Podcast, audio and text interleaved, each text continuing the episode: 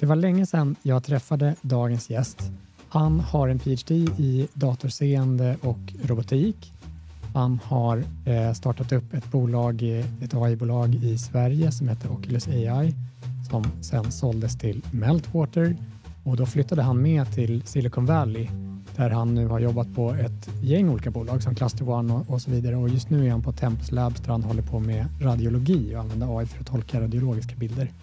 Det ska bli jättekul att få prata med min nära vän Babak Rastelstad.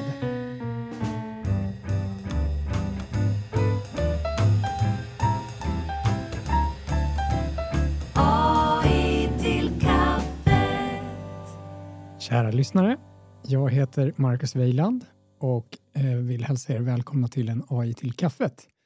Och även välkommen till dig Babak Rasselzadeh. Tack så mycket. Kul att ha dig här. Kul att vara här. Eh, jag tänker, vi har ju liksom pluggat tillsammans på eh, mattgymnasiet och gått kurser tillsammans på KTH och så här, känner varandra som, som kompisar. Men vi har inte pratat jättemycket jobb. Så, så det ska ju bli spännande att, att få prata om det. Men först vill jag nämna en annan grej, nämligen när mediterade du sist? I morse. I morse? Ja. Hur ofta mediterar du? Varje dag. Och vad händer liksom i hjärnan när man mediterar? Uh, allt som händer vanligtvis, uh, i alla fall för mig. Skillnaden är att uh, jag gör mitt bästa att bara observera mm. istället för att agera eller fullfölja tankarna. Utan, de kommer och, och går. Är det någon speciell typ av meditation som du använder eller någon teknik? Jag, jag fokuserar mycket på andningen. Ja. Andningsmeditation är mitt sätt. Och det, man brukar säga att det nu börjar metoden, men det har varit min metod de senaste tio åren. Ja, exakt. Fortfarande nu, Samma börjar. för mig faktiskt. För mig är det framförallt så här, innan jag ska somna så kan mm. det funka hur bra som helst. Faktiskt. Så här, kroppsskanning eller mm. bara, bara meditera. Ja, väldigt bra teknik. Kul. Du har ju eh, jobbat med AI och började din karriär på, redan som forskare på KTH, gjorde din PhD där och, och så vidare. Och, och, vad kan man säga om din karriär? Hur skulle du vilja beskriva den? Liksom? Vad, vad är det som har hänt? Då? Uh, väldigt krokig karriär skulle mm. jag nog beskriva det som. Uh, jag har uh, Röda tråden har väl kanske alltid varit AI förstås men, men väldigt generellt, eh, i väldigt generell bemärkelse AI. Alltså började inom datorseende och robotik på KTH, men eh, startade mitt första startup eh, redan under doktoreringsperioden inom just datorseende här eh, i, i, Sverige. Men så sålde jag det i 2013 till, eller ja, det, det gick i konkurs slash vi sålde det till uh, ett uh, bolag i USA. Till Meltwater? Till Meltwater då, uh, norsk amerikanskt bolag. Och det var så jag hamnade där. Men sen på Meltwater ledde jag ett team inom NLP. så, så gick från datorseende till språkförståelse. Och... Var det då du flyttade till Silicon Valley också? Eller liksom? Stämmer. Ja, mm. det, det, var då jag gjorde, gjorde den här flytten ursprungligen var tänkt att vara temporär, bara mm. sex månader för att de köpte upp vårt bolag eller, eller teamet och de ville att vi skulle uh, integrera med deras team på huvudkontoret där. Uh, så jag skulle vara där och hjälpa det här med integrationen av, av team och teknologi uh, i bara ett par månader. Men det, det har varit tio år nu. Ja, exakt. och har sedan dess rört mig till andra närliggande industrier inom AI. Allt från självflygande drönare till uh, för, för säkerhetsbevakning till vad heter det? fashion recognition, ah. mode och, och klädesplaggsigenkänning till nu senast inom medicinsk bildbehandling. Just det. Om vi, om vi stannar lite vid datorseende och bildbehandling en stund och, och pratar om det, så du har ju sett det här fältet utvecklas. Men när du eh, doktorerade, vad kan det vara, 2004 typ eller någonting sånt? Jag började doktorera eh, 2007. Ah, okay. Ja, uh, eller sex kanske. Ja, så det, menar, det har ju hänt enormt mycket inom det här området. Ja, ja otroligt mycket. Uh, jag sprang faktiskt uh, igår, i förrgår uh, på en gammal professor från KTH någonstans på Norrmalm och vi hade inte sett varandra på tio år. Och, han är ju emeritus nu, Stefan Karlsson på, Ah, på KTH. kul. Uh, men men ja, han, han hade massa frågor om Silicon Valley och, och spenderade 5-10 minuter där på gatan och reflekterade över enorma uh, skillnader vi har sett på 10 år bara uh, inom området. Och 10 år känns som en evighet inom det här området just nu för att det har hänt så mycket. Och, och när jag började doktorera, ja, det var ju 17 år sedan nu, så, så Ja, det exakt. känns ännu, ännu längre tillbaka. Och vad, vad är liksom de stora stegen då, som du ser inom? Ser du några liksom tydliga steg? Eh, Ja, eh, tydliga trenden, eller, eller um, man ska kanske kalla det paradigmskiftet, det är att man har gått från um, eh, en väldigt matematiskt och eh, modell, eh, matematiskt modellbaserad vy på världen och förstå världen i i datorseende-sammanhang, men också i AI-sammanhang generellt, till en mer datadriven sådan. Uh, när jag började doktorera så var det fortfarande väldigt, uh, jag menar, vi sysslade med machine learning, så självklart var maskininlärning, det vill säga data, lära sig från data. Men uh, det var lika mycket fokus på data som det var på de matematiska modellerna Mm, för det man precis, försökte exakt. förstå. Så det var jättemycket matematik och det, det är ingen konstighet där att min professor, liknande den här professorn jag träffade, Stefan Karlsson och alla andra professorer inom datorseende och AI eh, på den tiden eh, var tidigare matematiker. Mm. Det fanns ju ingen, när de doktorerade fanns inget ämnesområde datorseende. Så de hade doktorerat inom matematik och, och sen hade skiftat till att eh, jobba inom robotik eller AI generellt. Eh, idag är det inte så. Idag har vi massa professorer som har faktiskt doktorerat. Flera av dem är gamla kollegor till mig som Mm. doktorerade samtidigt. Doktorerat inom ämnesområdet datorseende eller artificiell intelligens eller maskininlärning. Eh, och, och det har ju också lett till att skiftet har varit till att fokusera mer på data och inte så mycket på vad den underliggande modellen behöver vara. Eh, och, och som vi alla vet har ju deep learning tagit över Exakt, och det blir ännu mer blackbox då. ännu mer blackbox. Och eh, det är på gott och ont, Ja. ska jag säga. Är på gott. Jag tänker på en, en grej som, som jag tycker att vi märker i vår verksamhet. Liksom, det är ju att idag är det väldigt få projekt där vi börjar med att samla massor, massor av bilder och bygga vår egen modell, utan man börjar utgår nästan alltid från en, en färdig modell någonstans som sen tränas om och Men inte var det så redan då, liksom Nej, inte 2007? Nej, eller hur? Nej, nej, inte alls. Inte alls. Så, så egentligen det, det du beskriver det här med att man börjar med färdiga modeller, det är egentligen nästa paradigmskifte så som jag ser det. Man har gått från att man väldigt manuellt och nästan på ett eh, artisanal sätt, nu vet jag inte vad det blir på svenska efter tio år i Silicon Valley, men eh, eh, på ett hantverkssätt Ja, liksom, skapar matematiska modeller till att nej men blackbox, datadrivet, så bara fokusera på, på data, till att man inte ens fokuserar på data längre. Mm. Man fokuserar på eh, färdiga modeller som är färdigtränade Mm, och sen kanske man fine-tunar lite grann. exakt, exakt. Men, eh, men det är bara en fortsättning på samma trend att man vill abstrahera, abstrahera, abstrahera så att till slut ma- man bara har boxar som, som funkar perfekt för något givet eh, problemområde och eh, vill man inte oroa sig så mycket för vad som finns under, under den här uh, huven. Exakt. Jag, jag tänker på, nu jobbar du med radiologi. Du är Vice President of Radiology, eller vad nu din, din titel är. Ja, det, är- det är VP of eh, Radiology Engineering. Ja. Och eh, ni är ett stort bolag, ni Mm. har ganska mycket data och så där. Är det ändå så att ni liksom utgår från pre-trained models eller för, förtränade AI-modeller eller bygger ni sakerna från grunden? Eh, det är ännu värre än så. Eh, inte bara nog att vi, vi utgår från färdigbyggda modeller. Vi har till stor del slutat bygga mycket in-house och uh, räknar med att eh, det finns en hel industri där ute av folk som bygger sådana här AI-modeller för olika typer av patologier i olika typer Mm. av modaliteter, det vill säga typer av bilder, om det är röntgen eller CT eller MR. Och uh, ja, helt enkelt licensiera de modellerna. Mm. Så, Spännande Ja, det- utveckling. Ja, och, och så, på det hållet, eh, i den riktningen är hela den industrin på väg. Att man räknar med att det finns ett ekosystem där man plug and play liksom, med det man behöver.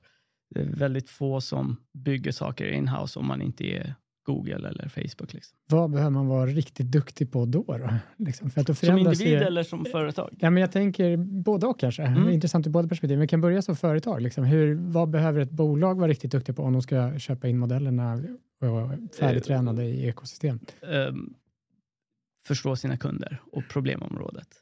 Uh, egentligen vad, vad det kommer... Det, det, det är kontentan av det, men uh, vad det handlar om är att man måste kunna identifiera i det här ja, djungeln av, av AI-modeller där ute. För även inom ett väldigt smalt område som radiologi så finns det tiotusentals modeller där mm. ute idag, varav kanske 10-20 procent är kommersiella modeller, det vill säga företag runt om i världen som har byggt de här för olika saker som cancerigenkänning i, i mammografier till mm. exempel.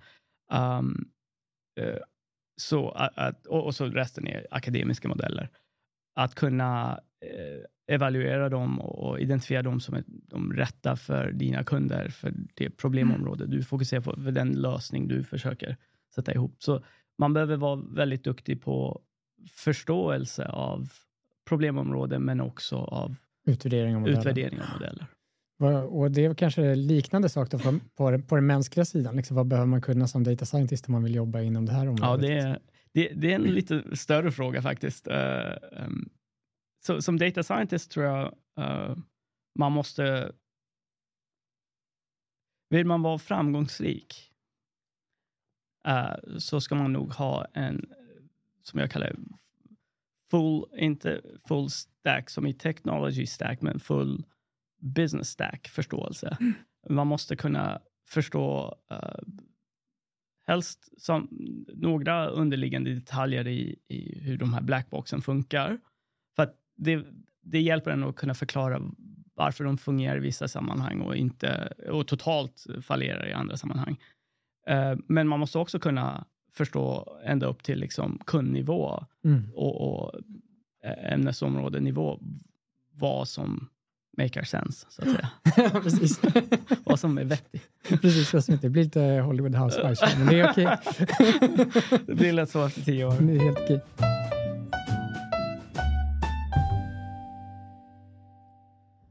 Eh, var tror du det här området är på väg? Just medicinsk jag bildbehandling? Tänker, eller? Jag tänker bildbehandling kanske mm. överhuvudtaget och computer vision och så här. För jag tänker på till exempel den här SAM-modellen eller Segment Anything Model som kom från, från Facebook-teamet. Meta, ja. Eller från Meta, exakt. Och jag tänker att det är en riktning i alla fall som, som, som jag ser att det är på väg åt, men jag vet inte, du är djupare in i det här fältet. Liksom. Tror att... Ja, bara, bara i förrgår tror jag var, uh, släppte ju Meta-teamet också sin Lama-modell. Mm. Um, helt open source och tillgänglig för kommersiell användning med, uh, med förtränade modeller. Tre olika modeller, den största tror jag var 70 miljarder parametrar.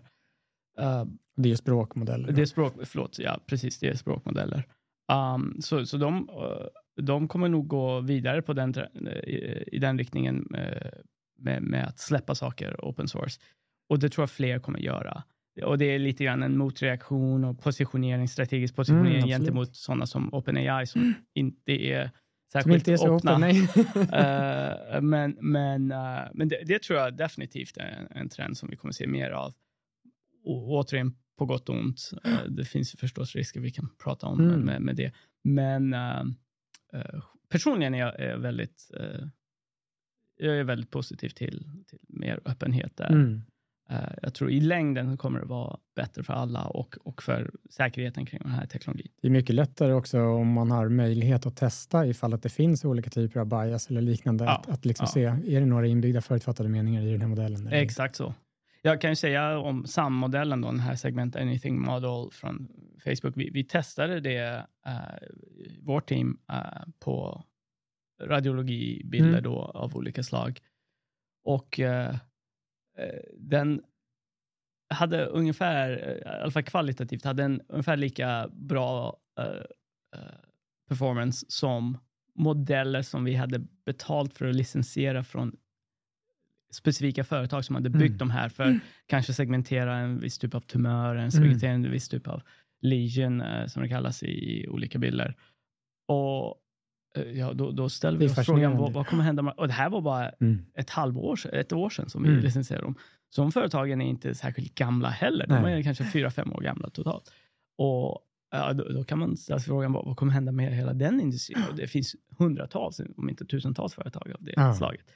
Så jag tror förmodligen kommer det ske en viss konsolidering där uh, majoriteten av företag som har suttit och svettats uh, eller, eller uh, spenderat blod, svett och tårar på att bygga de här modellerna kommer att tyvärr gå under. Mm. Tyvärr, tyvärr, det, det är säkert bra för ekosystemet. Li, lite men en, en risk som jag kan se det är ju att det krävs ju mer och mer resurser kanske för att träna de här typen av modeller. Och visst, man kanske kan liksom crowdsourca beräkningskapacitet och, och liksom, ja, men försöka jobba på olika sätt eller crowdsourca arbetet med att samla in data och så där. Men det känns ändå ganska tufft för ett litet företag. Alltså, för oss som konsulter så är det här hur kul som helst.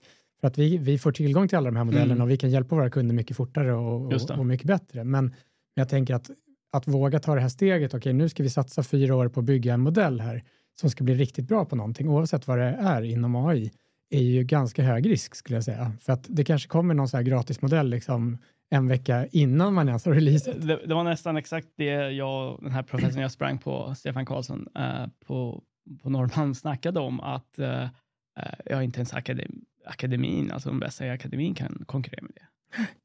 Så uh, på, på något sätt håller på att bli en viss typ av eh, oligopol eller monopol mm. typ av situation där de stora har så, stor, eh, så stort eh, försprång eller, eller um, gap till alla andra att uh, det nästan inte är vettigt att ens försöka ge sig in i det. och det är läskigt. Ja. Det, det, är nog det och samtidigt så blir det tillgängligt för alla bolag. Så är, så är det bra kanske, mm. men, men, men då måste man påminna sig om att det är ändå de stora företagen som sitter på liksom, teknologin och, och kontrollera. Om det inte är verkligen open source. Open mm. som i, i, verklig eh, open source och tillgänglig för alla att kollaborera med. Spännande. Jag måste fråga dig en sak till när vi ändå pratar nu om, om datorseende och så här som jag tror många funderar på, som jag diskuterar med många, det är ju att eh, när det kommer till självkörande fordon och du, din första vad heter det, um, forskning var ju just kring att upptäcka fotgängare tror jag mm. på, eh, för självkörande fordonsapplikationer. Men jag tänker att, att vad heter det, Tesla har ju valt en annorlunda strategi här, där man använder bara kameror mm. och inte lidar. Mm. Eh, vad tror du om den? Alltså du som kommer från det här datorseende hållet.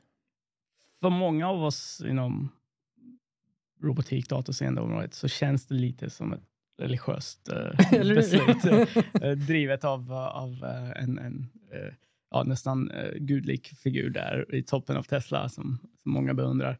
Um, um, det, det, finns uh, förstås en viss logik i det i, bemärkelsen att uh, ja, men människor... Vi klarar att köra med bara... Ja, men, men vi har inga kameror i, som ögon. Vi har ögon som ögon och det är mm. en jättestor skillnad mellan mänskliga ögat. Jag doktorerade ju uh, framförallt på att datormodellera mänskligt seende, eh, specifikt eh, uppmärksamhetssystemet inom eh, mänskliga systemet, eller i, i, i, inom biologiska system, inte bara människans. Uh, och uh, spenderade fyra, fem år på att liksom, förkovra mig inom, uh, inom hur mänskliga systemet, uh, seendesystemet funkar. Och det kan jag säga är väldigt annorlunda från kameror. du behöver vi, vi använde till exempel på robotar som jag jobbade på på KTH, använde vi två uppsättningar kameror per öga, så att säga, för roboten. Den hade två ögon, eh, men varje öga var två kameror. Det var en kamera som var fovialt, det vill säga väldigt blir det på svenska? Alltså väldigt eh, fokuserat, fokuserat, på ett ja, eh, litet eh, inzoomat. inzoomat område av bilden och en kamera som var periferalt som, som hade wide lens så att mm. säga. Och det var vårt eh, bästa sätt att försöka mimikera hur mänskliga ögat funkar. Men ja, mänskliga ögat har egentligen kontinuerlig eh, spektrum där av, av eh, mellan. granularitet mellan liksom, fovialt och, och periferalt. Och det, det, bästa vi kunde göra var liksom försöka approximera med två kameror. Men egentligen skulle man behöva approximera med oändligt många kameror. Satte ni in en gul fläck också bara för att göra det lite svårare för kameran? Just det. så, uh, så där så missar Elon Musk och Tesla tycker jag. Uh, om, det, om det inte är så att de ska fokusera på att bygga en helt ny generation typ av kameror som är mer lik mänskliga ögat. Så egentligen är jag inte så positiv. Uh, alltså, bygger man en robot som ska försöka göra samma sak som en människa så finns det ingen vettighet i att försöka följa den mänskliga formfaktorn. Um, bilen själv är ju väldigt annorlunda jämfört med mänsklig, mänsklig formfaktor. Så varför inte redan använda, de använda alla fördelar som man kan, man kan mm. skaffa sig? Och LiDAR är ju en sån fördel förstås. Exakt. Eh, nu har vi pratat lite bildigenkänning eller bildanalys och, och dataseende och så. Men, men, jag tänker, du har även jobbat väldigt tidigt med språkteknologi. Mm -hmm. eh, jag tror att det var typ 2016 till 2018 när du var på, på Protagonist, om inte annat. Och Meltwater också. Och förstås. även på Meltwater, mm. ja precis. Så att, eh, berätta lite om det. Vad kunde man göra med språkmodeller då? Vad är skillnaden liksom mot ChatGPT och, och så ja, vidare idag? Innan jag går in på det ska jag bara tillägga att nu på uh, Tempus, där jag är VP of uh, Radiology Engineering, så har mitt ämnesområde utökat lite grann. Jag har också fått ansvaret för att vara Head of Product för vår egna um, LLM agent som vi håller på att bygga inom, uh, inom Tempus för, för läkare, för onkologer specifikt. Ah, vad spännande. Jag kan det... prata mer om det. Ah, men, men uh, jag kan svara på din fråga där gällande Meltwater och Protagonist. Um, Likaså där när jag jobbade på Meltwater och byggde de här NLP-modellerna för språkförståelse. Syftet var då att analysera stora mängder av text, uh, nyhetstext och även social text. Alltså vi hade tillgång till Twitters och Facebooks API. Så vi uh, läste in, det här var 2012, 13, 14. Vi läste in hela det flödet och, och gjorde så i 26 språk här för mig. Um, och vi byggde då väldigt eh, manuellt så att säga uh, processing pipelines med allt från tokenization till eh, uh, named entity recognition som det kallas. för att känna igen viktiga komponenter i text som vi kunde då anknyta till um, viktiga um, business KPI, alltså Key Performance Indices. Mm uh, som våra kunder då på Meltwater var intresserade av. De ville veta vad sägs. Vad, vad säger man i media om vår, vårt varumärke, våra produkter, vad är sentimentet? Så vi gjorde mm. sentiment analysis. Men mycket av det Sentimentanalys väldigt... är ju att, att se om den som skriver är arg eller positiv eller negativ eller Precis. vad det nu är för någonting. Eller vad det nu är. Vilka exakt. känslor som är bakom. Vilka känslor som är bakom. Och, och det var väldigt viktigt och vi skapade dashboards och, och grafer och så kring det för, som, som vi sålde till de här företagen som var intresserade av, av att bevaka sin, nyhetsbevaka sin, sitt varumärke och sitt företag. Uh, men som sagt, mycket av det var väldigt uh, handbyggt, så att säga. Um, det, det, var, eh, uh, man, man, byggde olika komponenter i, i, ett flöde, i ett dataflöde som, som de här um, dokumenten och, och nyhetsflödena gick igenom. det är inte så längre. Eh, Men vad kunde man få ut för slutsatser på den tiden? Liksom, vad, vad kunde du få ut? Du kunde se om folk skriver positiva eller negativa saker om ett varumärke. Eh, men du kunde också... för liksom, vad, vad är det för, som nämns i samband med... Ja, vad, du kunde göra mer än så. Du kunde hitta anknytningar. Vad associeras vi mm. med? Vilka andra varumärken ja. associeras, associeras vi positivt, negativt? Mm. Är vi, när vi jämförs, jämförs vi i positiv bemärkelse, negativ? Um, men man kunde också göra mer än så. Vi, vad jag påbörjade där på Meltwater uh, sista året jag var där, jag var där tre och ett halvt år, uh, var att bygga en, uh, en knowledge graph. Um, vet inte riktigt vad det blir på svenska, kunskapsgraf. Ja, kunskapsgraf. där vi försökte alltså bygga det här automatiskt, det vill mm. säga genom att analysera nyheter kunde man först identifiera entiteter och det här gör man då oftast ut, utmaningar att göra det utan någon databas mm. givet av givna ja, entiteter. Automatiserat. automatiserat att aha, det här är nog en produktnamn. Och det är mm. människor bra på. Vi läser en text och genom sammanhanget ja, fattar vi att det här är nog uh, Mervidocil är nog någon drog som AstraZeneca utvecklar. uh, av sammanhanget. Och, och likaså uh, personentiteter och platsentiteter. Vi lär oss att identifiera även om vi aldrig har hört talas om det. Så det ville vi göra automatiskt, men sen ville vi också börja koppla de här till varandra. Aha, den här produkten tillhör det företaget, den här vdn som nämns i den här artikeln är nog vd på det här företaget. Så bygga en sån kunskapsgraf automatiskt. Och, och, Google har ju jobbat med det mm. länge också. Så det, så det påbörjade vi och syftet med att bygga en sån graf är då förstås att du kan göra en så, en så kallad eh, graftraversering. Ja, precis, man kan gå igenom grafen. Gå igenom grafen och svara på frågor genom en sån traversal. Uh, så man kan till exempel svara på frågor av uh, typen hur, hur, hur pass i procentuellt, procentuellt hur pass mycket populärt är Coca-Cola nämnt eh, än eh, alla andra eh, drycker som drycksföretag tillverkar. Mm, och då måste man kunna hitta dryckföretag i grafen och vilka deras produkter är, vilka deras och produkter är och vad centimeter, äh, sentiment som är associerade till de produkterna är. Och, så det blir en matematisk liksom, traversering av den här grafen. Um, så det är bara ett, ett exempel. Man, man kan göra mycket, mycket mer sådana grafer. Så det var, det var ett syfte. Um, sen eh, lämnade jag Meltwater för Protagonist kom med i bilden och eh, där gjorde de ännu mer intressanta saker tyckte jag. De, de eh, försökte sig på något som kallas narrative eh, understanding eller narrative recognition. Och då handlar man från NLP mer, eh, NLP är nog en underliggande teknologi fortfarande, men ämnesområdet kallas då mer uh, computational linguistics. Ja, just det.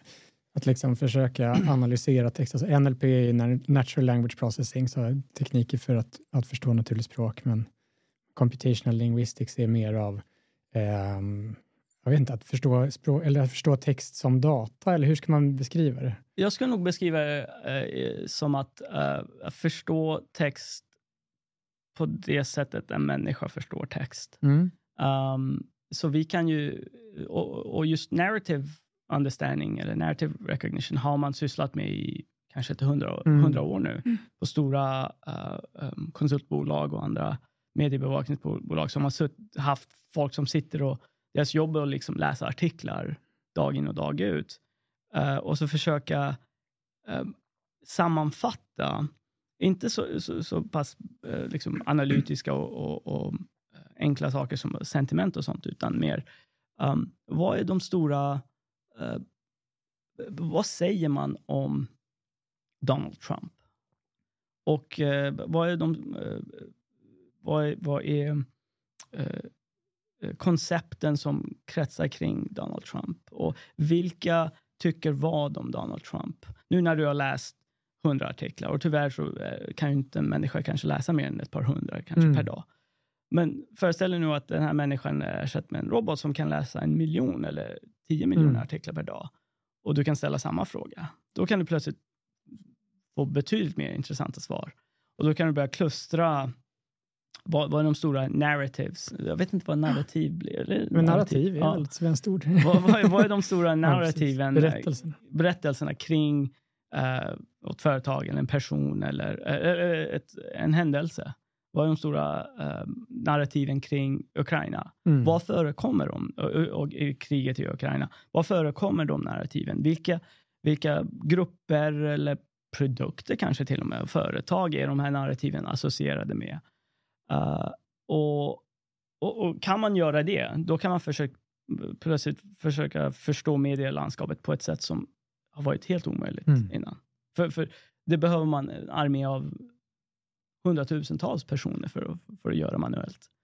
Det är otroligt spännande att ni höll på med de här sakerna så pass tidigt. Mm, uh, Protagonist var det 2017 liksom, som jag sysslade med det. Exakt.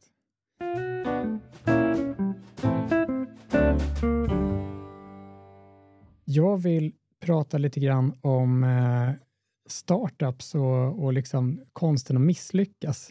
För att det är någonting som, eh, när jag gick på Executive MBA på Handelshögskolan så bjöd jag in dig, för jag tycker du har varit så öppen och berättat om, om dina misslyckanden och sådär. Och det är så många företag som säger så här, vi älskar att misslyckas eller vi lär oss från våra misslyckanden och så vidare. Och sen när man lyssnar på deras presentationer så handlar det bara om hur fantastiskt allting har gått. Men du har ju berättat ganska mycket om, om, om liksom de här bitarna. Mm. Och sen så tänker jag också lite så här om hur det är eh, komma till USA och jobba i USA och så där. Så att, tänker vi, vi, kan, vi kan plocka några grejer kring det, men om vi börjar där och att eh, vad, vad skiljer sig, tycker du, i liksom startup-scenen eller så, som, som har drivit en startup i Sverige och sen även kommit över till, till Silicon Valley? Då? Hur, är det några viktiga skillnader? Ja, det, det, det finns en hel del stora skillnader. Um, just det här att, uh, att prata om failures är eh, ännu värre eh, i, i, i Silicon Valley eller i USA generellt. Eh, man pratar inte så mycket om det. Eh, och Det är också på gott och ont, för att eh, lite grann handlar det om att ehm, man, man tittar inte så mycket i backspegeln, utan tittar, tittar framåt. Men, men det finns definitivt tabu kring det. Och eh, väldigt ofta som man, säkert lika så som här i Sverige, men, men ännu mer så i USA, förskönar bilden av ett tidigare misslyckande. Så, så egentligen var det inte ett misslyckande för att eh, ja, men det här blev bra och det här blev bra. Mm. Så, man beskriver på ett sätt som, även om det var ett misslyckande, så, så vill man gärna beskriva det som ett success story eller någon sorts eh, vinst. Men, men um, så, så det är ännu mer så uh, där i USA. Um, det, det finns ju, precis som du säger, en kultur av att prata om att ja, men, uh, uh, det, det, är bra att misslyckas och Uh, man måste man iterera. Man, man, liksom, ja, iterera, fail fast uh, och, och, vad heter det? move fast and break things som, mm. som Facebook kallar det. Um, man pratar mycket om det, att, att så ska det vara. Men eh, börjar man fråga, okej, okay, how many times have you failed? Mm. Uh, så blir det plötsligt an, annorlunda ton och man, man, kanske inte vill prata så mycket om det utan uh, fokusera på, no, but you know, I'll tell you about uh, this one time when I really succeeded with this uh, mm. team or with this company or with this project. Så uh, man, man, man är väldigt fokuserad på det positiva och mm. det, det, finns nu, nu, tack och lov så finns det liksom en term för det där i USA, uh, toxic positivity. Mm, okay. Så folk har börjat känna igen det, att, att det här, och det här är mer generellt förstås och har mycket mer med, med uh, mindfulness ja, och sånt att göra också. Precis, att att man känner igen det här beteendet, alltså man som i, i eh, samhället i helhet har börjat känna igen de här och titta lite mer in, eh, inåt och börjat känna igen de här, eh, kanske inte så, på, eh, kanske lite mer destruktiva beteenden av, just toxic positivity i alla eh, walks of life, så att säga.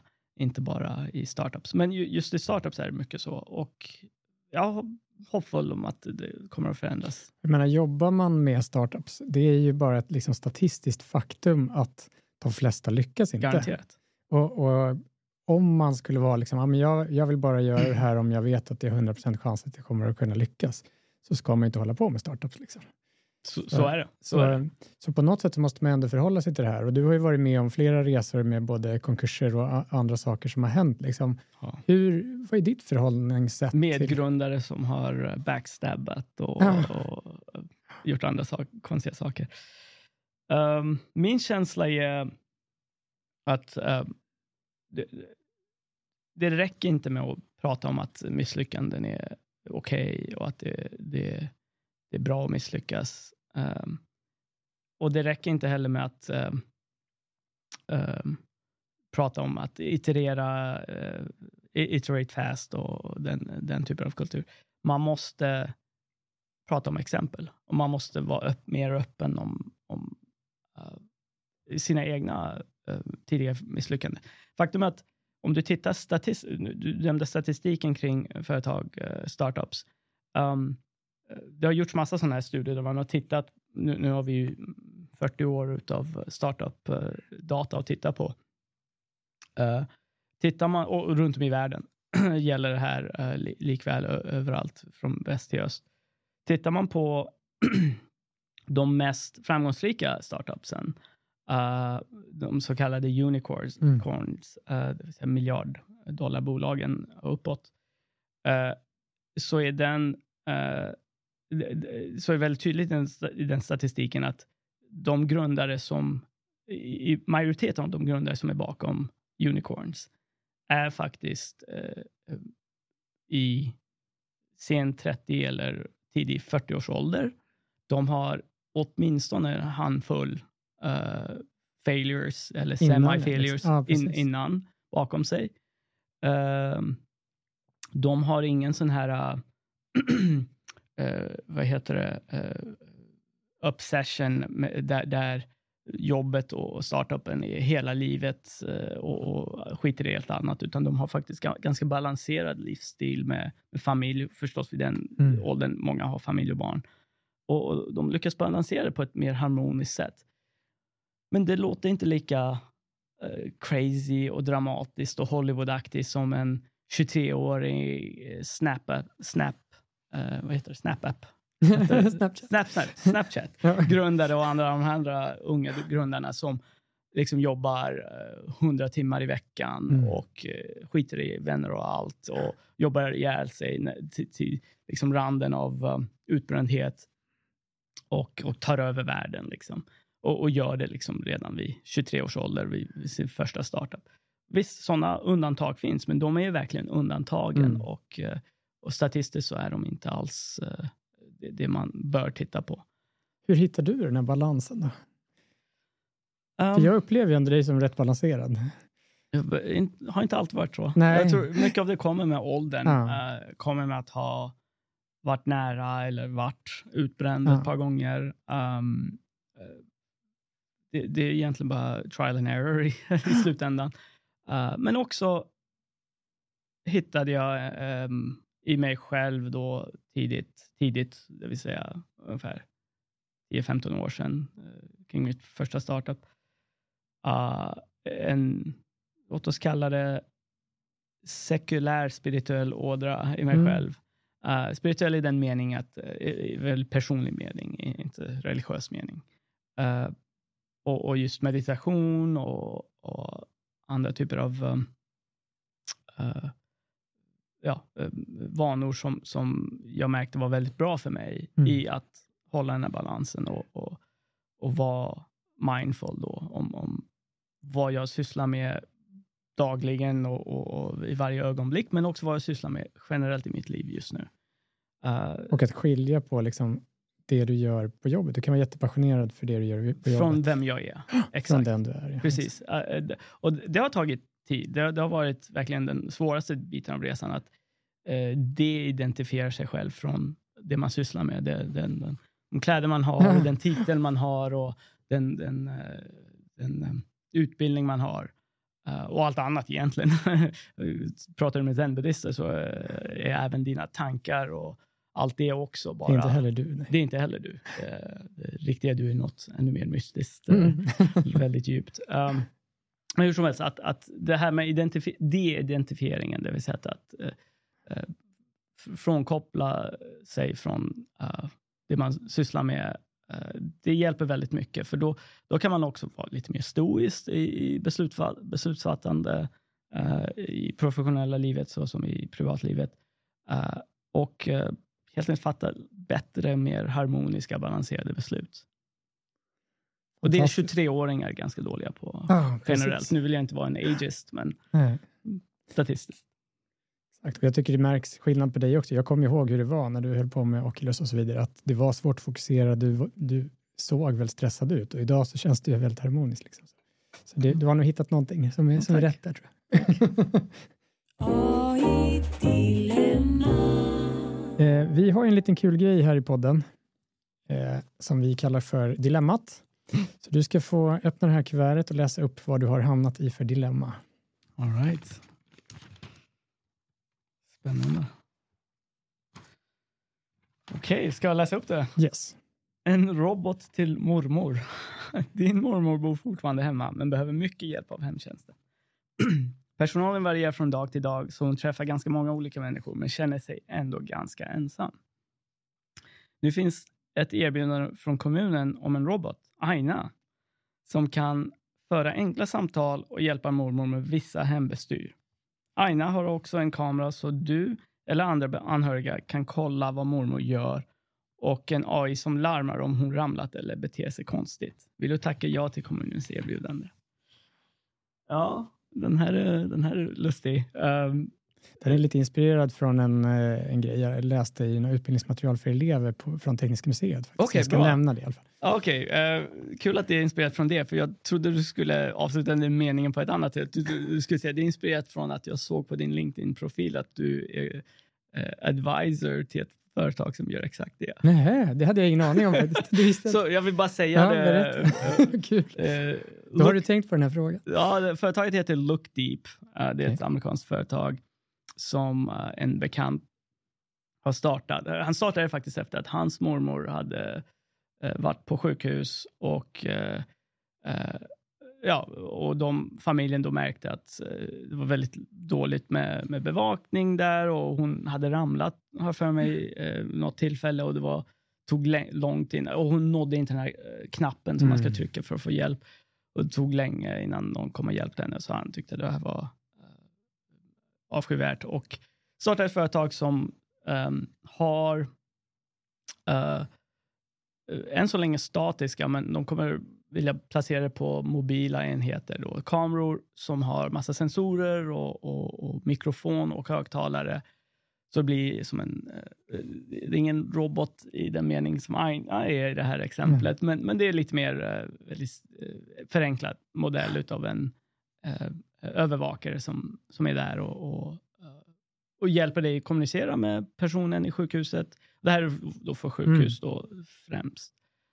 Um, och eh, jag, när, när de, eh, jag blev kopplad till dem genom en vän, en annan bekant, när jag hörde om vad de ville göra med computer vision och, och väldigt eh, rudimentär robotteknologi, tyckte jag det var suveränt. Mm. Eh, jag gillar den aspekten av det som... eh, sa- samma aspekt som gjorde att jag tidigt var faktiskt ganska positiv till social media och eh, ja, eh, den typ av teknologi som möjliggör att, att folk kopplas eh, runt om i världen. Um, den mänskliga aspekten av den typen av teknologi, för det finns en mänsklig aspekt. De här robotarna är ändå... Vi, vi, har, vi har en tendens att antropomorfisera Mm. dem och, och säga att ja, men det, det, är en, det, det är en person och det, det, det är en, en, en eh, entitet, medan det är bara en enhet. Det, det är bara en of Teknik. tek- teknologi. Och eh, eh, om man använder det på rätt sätt, som i det här exemplet eh, stod, stod det skrivet att hjälpa anhöriga att kommunicera. Det är jättebra om, om det inte finns någon möjlighet för anhöriga att vara där eh, in real life, så att säga. Du skulle rekommendera om Ja, absolut. Det tycker jag. Jag, Mm. jag, jag förstår att det, det finns det, det, det finns en emotionell, eh, eller sentimental ska jag säga, eh, eh, eh, underliggande oro där att men vad händer med, med människor när de enda vi har att kommunicera och, och eh, ta hand om oss är, är robotar. Ja, om, om alternativet är att bara vara ensam, Mm. då är det bara bra att det finns något, även om det inte är någon, Mm. att det finns något som tar hand om dig. Det, det tycker jag är bara bra. Eh, visst, eh, det vore alltid bättre om det var människor som tog hand om oss, men tänker du dig ett land som Japan där befolkningspyramiden är upp och nervänd, eh, det finns ju inget annat alternativ. Mm. Så varför inte ta hjälp Och där är de ju också mycket mer positiva till den här typen av lösning. Ja, det älskar jag. Ja, med allt från robot, robotsälar som man kan sitta och klappa på. Och Ja. Men eh, ja, precis. Jag håller med. Och en annan aspekt av det här är väl kanske, vad heter det, um, nu är det jag som inte kommer på på svenska, privacy.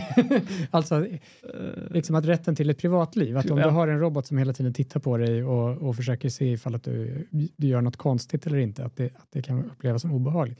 Men samtidigt så jag menar, min mormor är 98, hon har precis flyttat till ett eh, hem där hon får hjälp då, men hon har ju bott hemma hela tiden och det var ju folk som sprang där hela tiden och det var ju alltid nya människor. Och man kan inte säga att hon hade jättemycket privatliv heller. Utan de kollade ju allting och de, de ja, skulle ta hand om allt och fråga henne om hon hade gått på toaletten och det ena med det andra. Så att Det, jag, jag, jag, förstår den här obehagen. Och det, det, är samma obehag som gör att folk har lite irrationella rädslor gentemot LLMs och generativ AI generellt. Att man inte riktigt förstår den här blackboxen, men man vet att den bevakar en och tittar på en. Men man ska nog också fråga sig, hur pass väl förstår man andra människor? Mm. Om du har de här främlingarna som kommer, olika främlingar varje dag och, och tar hand om dig. Hur pass mycket? Jag litar mer på robotar än jag gör på vissa mm. människor som jag inte känner helt enkelt. Um, för att återigen, uh, man ska försöka i alla fall uh, undvika att antropomorfisera de här robotarna. Det är inga, uh, inga en, det är inga entiteter, det är enheter. Mm. Det är inte någon, det är något. Och jag tror man får, om man tänker på det på det sättet, på rätt sätt som, som jag tycker, så inser man att man har mer av privatliv och integritet och privacy uh, med uh, robot eller AI-teknologier som tar hand om en, än människor som man inte känner. Mm. Självklart, det är alltid bättre med människor man känner och nära och kära, men det, det är inte alltid möjligt. Kloka reflektioner, tycker jag. Eh, jag vill själv gärna mycket hellre bli omhändertagen av en robot än att ligga själv där på golvet och, och hoppas att någon ska komma och upptäcka mig när nästa hemtjänstpersonal kommer. Eller hur? Och dyker upp. Sen hoppas jag såklart att mina barn, om de lyssnar på det här, förbereder sig på att ta hand om mig när jag blir gammal. Så jag slipper både robotar. Ja, det borde fördela. Eh, vi närmar oss slutet. Jag tänker att vi ska zooma ut lite grann och titta på den, den stora bilden. Och hur tror du att AI kommer att påverka samhället? Mark Andreessen från Andreessen Horowitz, eh, Netscape-grundaren en gång i tiden, eh, för de som är tillräckligt gamla för att veta vad Netscape är. Uh, han skrev en väldigt bra lång formatartikel om det här några veckor sedan. Där han uttryckte extrem optimism kring AI. Och jag, även om jag inte håller med om allt han sa och den här extrema optimismen, optimismen som han har, så håller jag i stora lag med om det. Jag ser väldigt positivt på utvecklingen. Folk, eh, det finns invändningar som, eh, som jag har hört från vänner som är konstnärer och eh, humanister, där i USA och, och här i Sverige, som tycker att ja, okej, okay, ja, det gör samhället mer effektivt och produktivt och allt det där bra. Men vad händer med mänsklig kreativitet och eh, skapelseförmåga när det är så enkelt att bara skriva i, i DALI eller någon av de andra Midjourney-teknologierna att man skapar med en bild som ser så här. Och då tycker jag att det, det, då har man lite mer, typ som amish-människorna i USA, en, en väldigt begränsad vy på teknologi. Man tycker att ja, men det, det är teknologi det var inte teknologi fram tills vi hade Paintshop och Photoshop. Och, eller det var inte teknologi när vi hade färdiga penslar som ett annat mm. företag tillverkade. Det var inte teknologi när vi hade alla möjliga uh, färger av regnbågen uh, producerade av ett annat företag som vi kunde använda så vi inte behövde blanda vår, vår, vår egen färg. Det var inte teknologi. Men nu är det teknologi plötsligt när, när uh, mjukvaran kan göra mer. Ja, men, I Paintshop kan man ju också kalla det fusk. Mm. Men som sagt, jag tycker man kan i så fall också kalla eh, pensel, för pens, fusk. pensel för fusk. Varför mm. inte måla med fingrarna? Så eh, det här med att bestämma sig för att dra linjen någonstans eh, arbiträrt med, med AI-teknologi och vad AI är också förstås en annan, en annan fråga. Mm. Uh, det tycker jag är lite barnsligt mm. och, och, jag tycker inte alls det finns en anledning att tro att det förstör mänsklig skapelseförmåga. Tvärtom tycker jag det kommer ge verktyg till många som kanske inte har haft verktygen tidigare. Att få ut den här kreativa Mm. Uh, det tror jag garanterat att alla har kreativitet i sig. Mm. Det är inte alla som har förmågan, antingen från födsel eller från, från um, uppväxt, att, att uttrycka det. Mm. Varför inte skapa mer och mer möjlighet med teknologi för alla? Och uh, spela ut sin, sin kreativa ådra. Det tycker jag är jättebra. Eller hur? det tycker jag var fina slutord för det här avsnittet. Tack så jättemycket för att du kom hit Babak och tack för att jag får ha dig som vän. Eh, Detsamma, ett stort tack också till eh, alla våra lyssnare. Om det är så att man har synpunkter eller feedback att lämna till det här avsnittet eller till podden i allmänhet eller om man kanske vill hålla sig uppdaterad eller komma med tips på gäster eller liknande så får man gärna följa vår Instagram, en AI till kaffet. Tack så mycket. Vi ses själv, i nästa Marcus. avsnitt. Tack. Hej. Hej.